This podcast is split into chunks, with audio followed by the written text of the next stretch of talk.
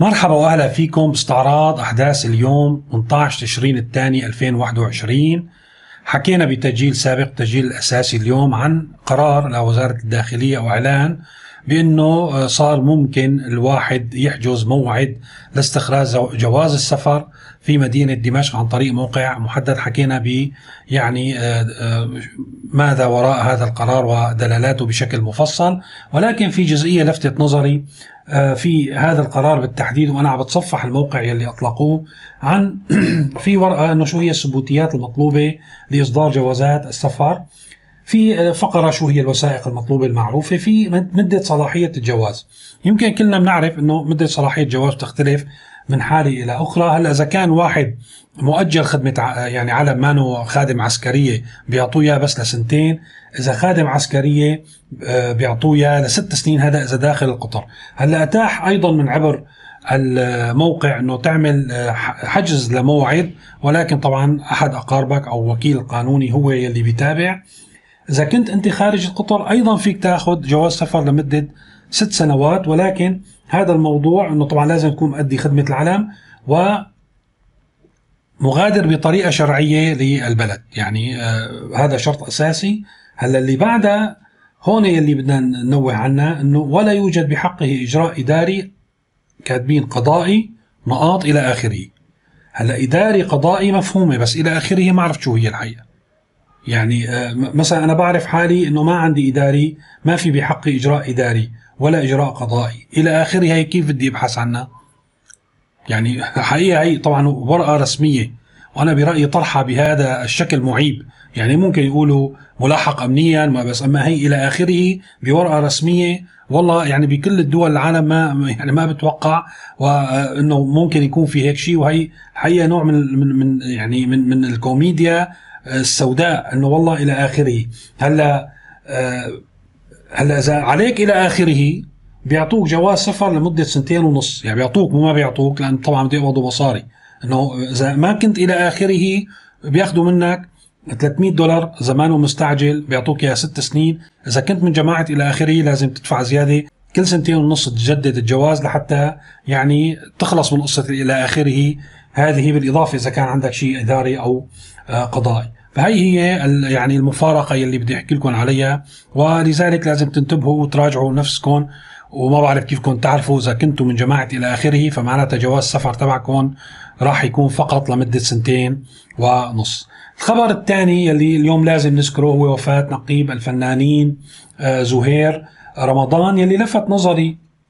طبعا شفت أنا كل التغطية لموضوع تشييعه هو غياب الصف الأول من الفنانين في حضور التشييع. يعني لحد هلا ما بنعرف بكرة بالتأبين أو بالعزاء شو بيصير ولكن من اللافت إذا بدنا نقارنه مثلا ببقية بفنانين آخرين مثل آه، حاتم علي على سبيل المثال الفنان الوحيد اللي شفته يعني آه، معروف مشهور ممكن الواحد يحكي فيه هو سلافة وخرجي ولكن ما كان في غير فنانين من الصف الثاني. طبعا نحن هون مع احترامنا للجميع ولكن يعني أنا أقصد الفنانين اللي بياخذوا دائما أدوار البطولة والمشهورين على الصعيد المحلي والعربي فإذا ما كان فيه وكانت جنازته الحقيقة أو تشييعه أقرب لتشييع مسؤول رسمي من فنان. طبعا هو نقيب الفنانين يعني هو ببلدنا فينا نعتبره منصب رسمي آه، ولكن معروف زهير رمضان ب يعني أداء عدة أدوار كانت يعني محببة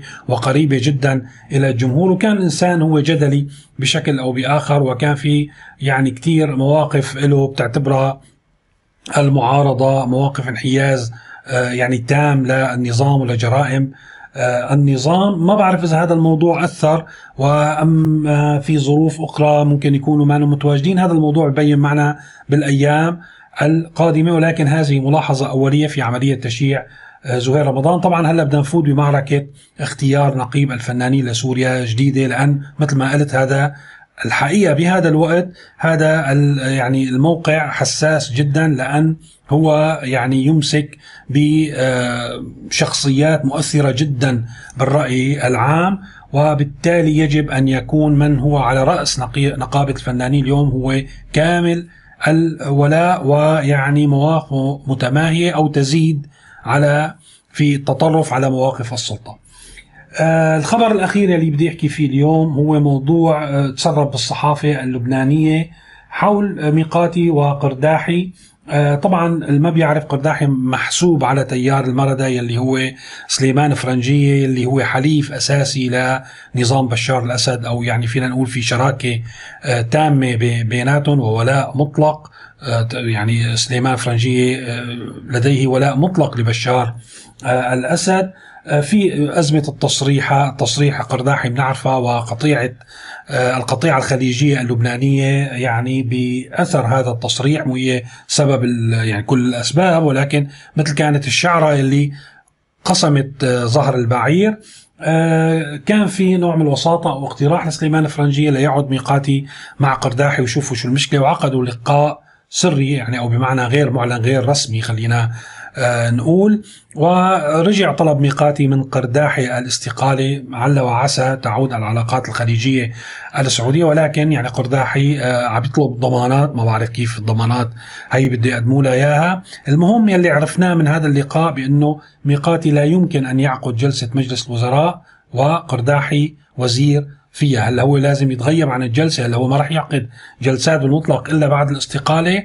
ما بنعرف. هذا بيحط الموضوع قدام يعني أزمة كبيرة. هلا إذا استقال قرداحي ما في أي ضمانات الحقيقة لحتى آه، العلاقات السعودية ترجع مع لبنان وخاصة في تصريحات سعودية بتقول نحن ما لنا مصلحة بالتعامل مع الحكومة يعني بغض النظر عن وجود قرداحي.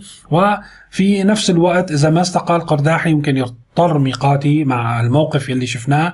أنه يعني يقدم استقالة الحكومة بشكل كامل ويعود لبنان إلى نقطة الصفر ويكون آه، في يعني مصيره مصير الحقيقة صعب ومجهول. أه بدي أذكر قبل ما أختم بأنه فيكم تتابعوا الأخبار. أنا طبعا بنتقي بعض الأخبار اللي ممكن أعلق عليها. فيكم تتابعوا الأخبار أول بأول على موقع Syria News. أه موقع Syria News عم نقوم بتحديثه رح يكون في إصدار جديد مريح جدا بوعدكم وعملي آه، في القريب العاجل. فيكم تتابعوا عبر شبكات التواصل الاجتماعي المرتبطة مع الموقع التليجرام فعال جدا صفحة الفيسبوك و التويتر وممكن حتى تستمعوا لهذا التسجيل يلي بيحب مثلا في كثير من الناس قالوا لي بدنا بالسيارة نسمع كذا. فعلا صار في هلا آه، بودكاست على سبوتيفاي. راح أحط لكم الرابط آه، للتليجرام ولا قناتي على السبوتيفاي بصندوق الوصف. وشكرا لمتابعتكم وإلى اللقاء.